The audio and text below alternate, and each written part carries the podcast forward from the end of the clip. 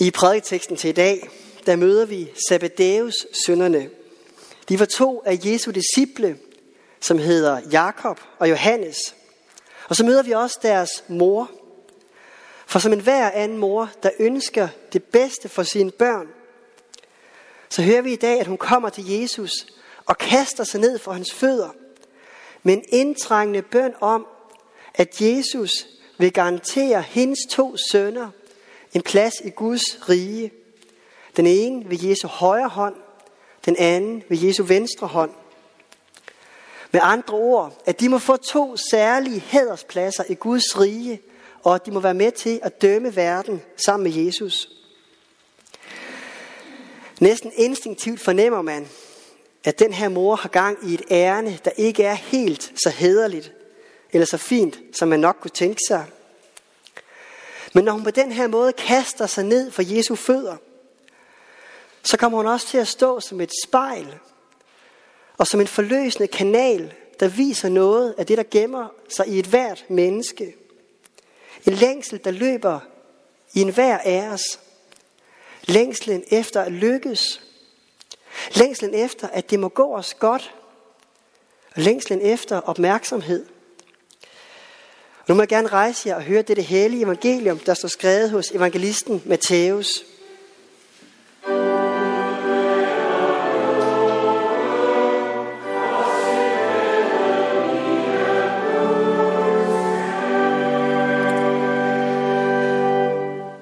Da kom Zebedeus sønnernes mor hen til Jesus sammen med sine sønner, kastede sig ned for ham og ville bede ham om noget. Han spurgte hende, hvad vil du? Hun sagde til ham, sig, at mine to sønner her må få sæde i dit rige. Den ene ved din højre, og den anden ved din venstre hånd. Jesus svarede, I ved ikke, hvad I beder om. Kan I drikke det bære, jeg skal drikke? Ja, det kan vi, svarede de. Han sagde til dem, mit bære skal I vel drikke, men sæde ved min højre og ved min venstre hånd står det ikke til mig at give nogen. Det gives til dem, som min fader har bestemt det for. Da de ti andre hørte det, blev de vrede på de to brødre. Men Jesus kaldte dem til sig og sagde, I ved, at folkenes fyrster undertrykker dem, og at stormændene misbruger deres magt over dem. Men sådan skal det ikke være blandt jer. Men den, der vil være stor blandt jer, skal være jeres tjener, og den, der vil være den første blandt jer, skal være jeres træl. Ligesom menneskesønnen ikke er kommet for at lade sig tjene, men for selv at tjene og give sit liv som løsesum for mange. Amen.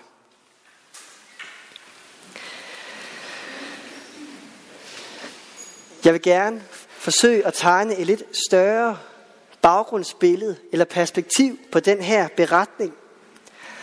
Og det vil gerne gøre ved at begynde med at tegne en tråd, der går flere tusind år tilbage i historien. Helt tilbage til nogle af de første mennesker, og tilbage til de første offerkulter, der kom i vores verden. Vi skal forestille os en kvinde, der bor i en hule. Og uden for sin hule, der har hun en plante, og med tiden der har hun opdaget, at hun er afhængig af den her plante.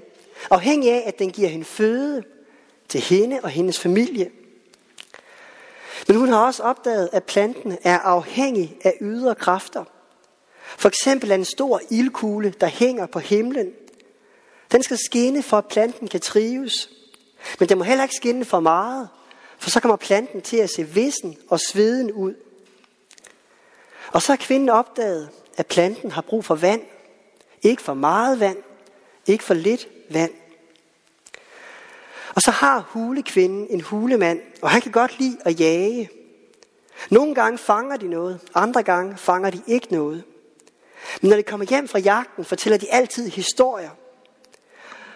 Og med tiden fornemmer hulekvinden et mønster i deres historie. De jagtede gennem mudder og vand. Dyret var lige ved at slippe fra dem, nogle gange var det også lige ved at dø. Og nogle gange slutter historien med, at de fanger et dyr. Andre gange fanger de ikke noget. Og i takt med, at den samme historie udspiller sig igen og igen og igen, så får de den besnærende tanke, at der er nogle ydre kræfter, der styrer, om de fanger noget eller ej. Og de begynder at kalde den ydre kraft for jagtens ånd. Så har hulekvinden også opdaget, at det ikke bare er om dagen, der er noget, der lyser. Der er også en lyskejle, der rejser gennem natten. I nogle perioder bliver den mindre og mindre. I andre perioder bliver den større. Og så har hun samtidig erfaret en mystisk sammenhæng mellem blødninger og udvikling i hendes egen krop og den store lyskugle, der bliver mindre og større. Til sidst kan hun næsten ikke andet end at nå frem til den konklusion, at der er nogle kræfter uden for hende, som hun er dybt afhængig af, men som hun ikke har kontrol over. Hvad enten det er regn, eller solskin, eller jagten på føde. Og det vækker en dyb frygt i hende for den ukendte kraft. For når regnen pludselig udebliver, hvad anden forklaring kan der så være, end at den ukendte kraft er vred, eller måske har travlt et andet sted? Og efterhånden begynder man at give navne og personalisere alle de her kræfter. Hos de gamle mesopotamere, en af de første civilisationer, blev guden for vand kaldt Jam. Hos sumererne blev vandets gud kaldt for Enlil, og på den måde opstod der flere og flere gudenavne. Og når livet synes ude af kontrol, eller synes at afhænge af de her ydre kræfter, så opstår der flere og flere desperate forsøg på at gøre dem glade.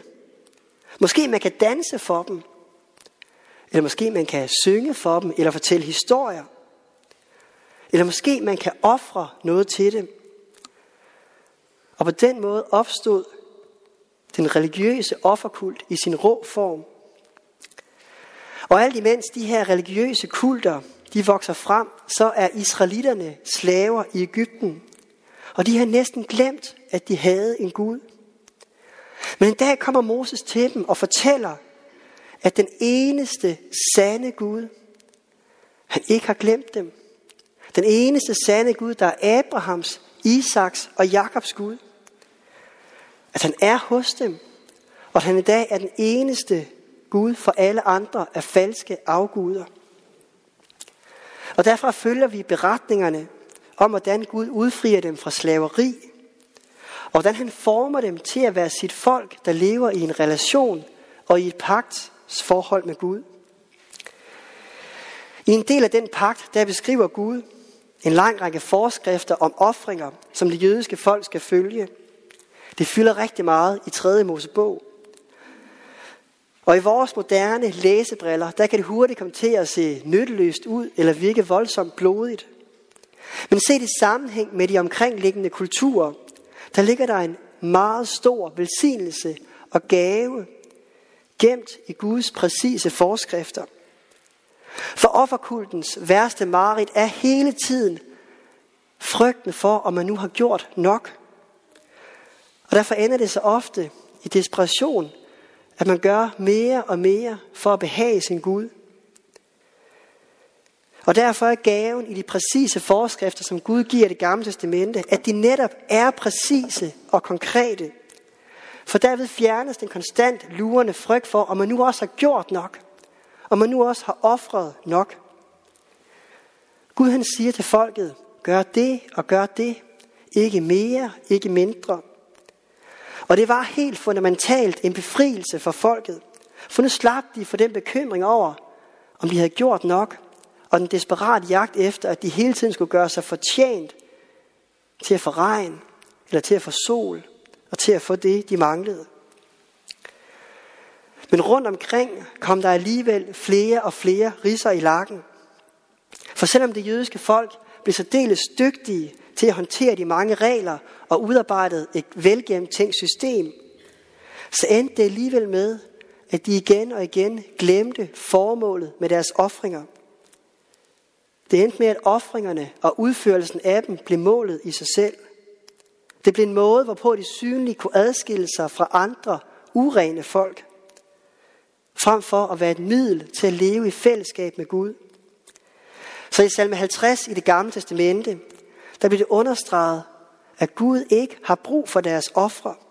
Tværtimod, målet med ofringerne er først og fremmest for deres egen skyld. For at rette deres fokus mod Gud i taknemmelighed og i efterfølgelse af hans tjenersind. Og i Mikas bog, som jeg læste fra alderet, der bliver det for alvor tydeligt, hvad det er Gud længes efter i relationen med sit folk. Jeg vil læse det igen. Hvordan skal jeg træde frem for Herren og bøje mig for Gud i det høje? Skal jeg træde frem med brandoffre, med årgamle kalve? Tager Herren imod væder i tusindtal, imod oliestrømme i ti tal? Skal jeg give min første fødte for min overtrædelse, min livsfrugt for min synd? Nej, svarer Gud. Han vil ikke have ofre. Han vil have, at vi skal handle retfærdigt, vise trofast kærlighed og overvågent vandre med din Gud. For både hulemenneskene og jødedommens offerkult afspejler en farlig dynamik, der altid gemmer sig i ofringer. Nemlig det forhold, at vi mennesker instinktivt forventer noget til gengæld. Det forekommer jo som simpel logik og retfærdighedssans. Noget for noget. Jeg gør det, så får jeg det. Og selvom vi ikke længere har en rå offerkult som hulemenneskene, så er dynamikkerne fuldt ud til stede i vores samfund og i alle vores magtstrukturer. Og i rigtig mange tilfælde, der er det både en gunstig og nødvendig forhold. Stort set al handel og gensidige forpligtelser bygger på det, den dynamik, noget for noget. Men det Jesus han forkynder for os og for Zebedeus sønnerne og disciplene, det er, at den dynamik simpelthen ikke fungerer i Guds rige. For vi kan alligevel aldrig gøre så meget, at vi gør det nok. Det er med andre ører, ord en endeløs, umulig kamp, som vi aldrig kan vinde på egen hånd eller gøre os fortjent til. Og det vanvittige evangelium, det er, at den umulige kamp allerede er vundet for os på forhånd. For Gud gav sig selv som et evigt gyldigt offer. Han gav sig selv, og han gav sit eget liv. Han gav sit liv for, at du skal vinde livet. For Jesus er den komplette løsesum og intet andet. Evangelieteksten til i dag begynder med ordet da, og det hentyder til, at der er sket noget lige for inden. Der er sket det, at Jesus igen har forudsagt, at han skulle lide og dø for menneskene. Men disciplene kan slet ikke forstå det og få det ind, fordi det virker så naturstridigt, at den almægtige Gud skal lide, og det er ham, der skal ofre sig. Vi vil hele tiden have det til at være sådan, at det er os, der skal gøre noget, for at få noget til gengæld. Men Jesus siger, at hos ham fungerer det helt anderledes. Det er ham, der dør for os. Det er ham, der rækker os livet. Ikke omvendt. Han er vores løsesum. Og for at give det endnu et perspektiv. I går på flagdagen 5. september, der var det også 23 år siden, at moder Teresa hun døde den 5. september 1997. Moder Teresa hun blev et verdenskendt ikon for sit hjælpearbejde og sin offervilje og tjeneste blandt både børn og nødlidende. Hun blev sågar helgenkåret af den romerske pave. Men de seneste år der er der udkommet en del litteratur, der viser nogle af hendes indre kampe og mere mørke sider. En stor del af den litteratur, det er breve, som moder Teresa selv har skrevet til sin skriftefar igennem hele sit nonneliv.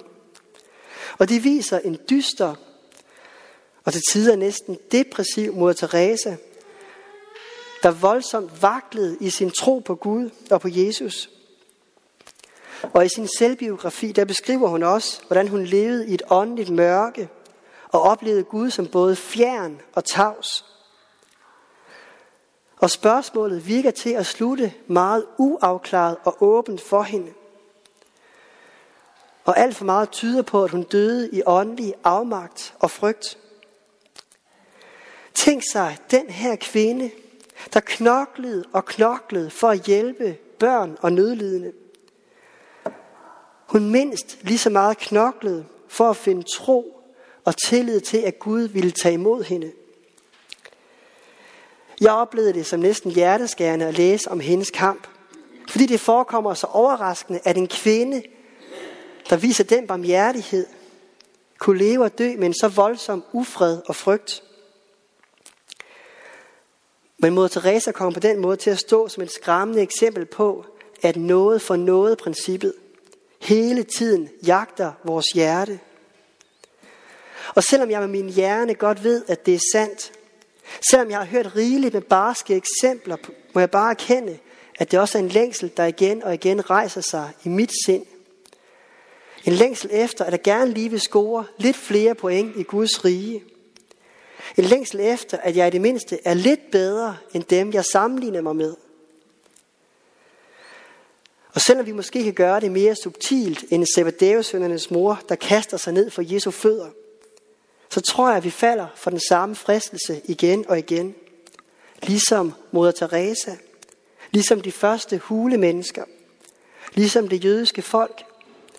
Historien er den samme, i nye former, på nye steder, men historien udspiller sig igen og igen.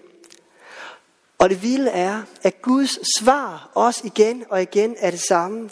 Han svarer, jeg gav mit liv for dig. Jeg har betalt hele løsesummen for dig. Og ja, det er uretfærdigt. Men Guds kærlighed til dig, den er så dyb, at der ikke er nogen pris, der er for dyr. Og derfor blev han menneske, for at være din tjener, og for at ofre sig selv i dit sted og for dig. For den umulige kamp, den som vi hele tiden jager efter, den er allerede vundet. Og ikke blot er den vundet, den er også vundet med et løfte om, at Jesus snart vil komme igen. Vi ved ikke hvornår, men vi ved, at den dag, der skal al smerte forsvinde. Der skal al sorg og al uretfærdighed forsvinde.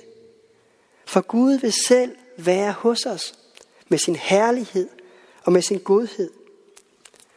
Og indtil da skal vi vandre i trofast kærlighed og med tjenersind for øje.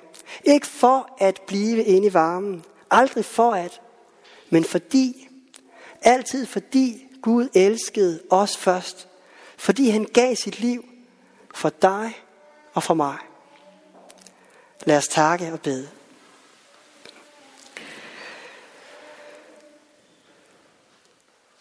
Herre, ræk os din fred. Og lad os finde hvile og tryghed i, at du har vundet for os. Lad os finde hvile og tryghed i, at du rækker os livet og din sejr over døden.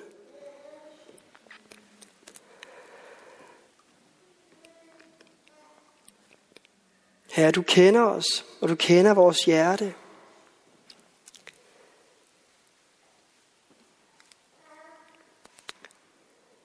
Herre, vi beder, at dit rige må vokse i blandt os. At vi må gå på den vej, du giver os, fordi du elskede os først. Og vi beder, led os frelser ved din nåde, også når vi selv vil råde og vil gå vor egen vej. Sæt os, hvor vi bedst kan gavne, men lad os aldrig savne vidshed, at vi tjener dig. Og vi priser dig med tak og evig ære. Du som er fader, søn og helligånd. Du som var, er og bliver en sand treenig Gud. Højt lovet fra første begyndelse, nu og i al evighed. Amen.